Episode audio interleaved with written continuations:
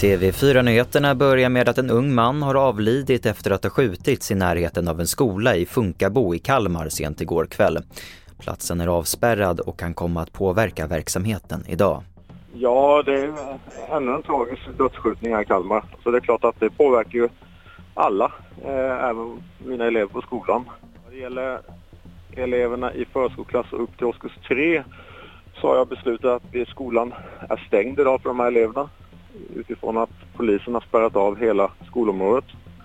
Medan eleverna i årskurs 4 till 9 kommer ha skolgång. Och det säger Anders Hagman som är rektor på Funkaboskolan. Så till att kriget i Ukraina har lett till en dyster flyktingrelaterad milstolpe. För första gången befinner sig över 100 miljoner människor i världen på flykt undan krig, våld och förföljelse. Det uppger FN-organet UNHCR. Och den 16 juni så släpper organisationen sin årliga rapport om flyktingsituationen i världen. Till sist till att polisen i Stockholm stoppade en bil i natt med en tioåring bakom ratten.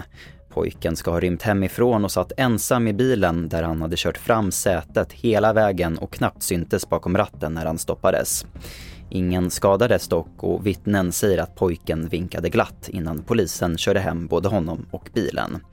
Och det får sätta punkt för TV4-nyheterna. I studion Albert Hjalmers.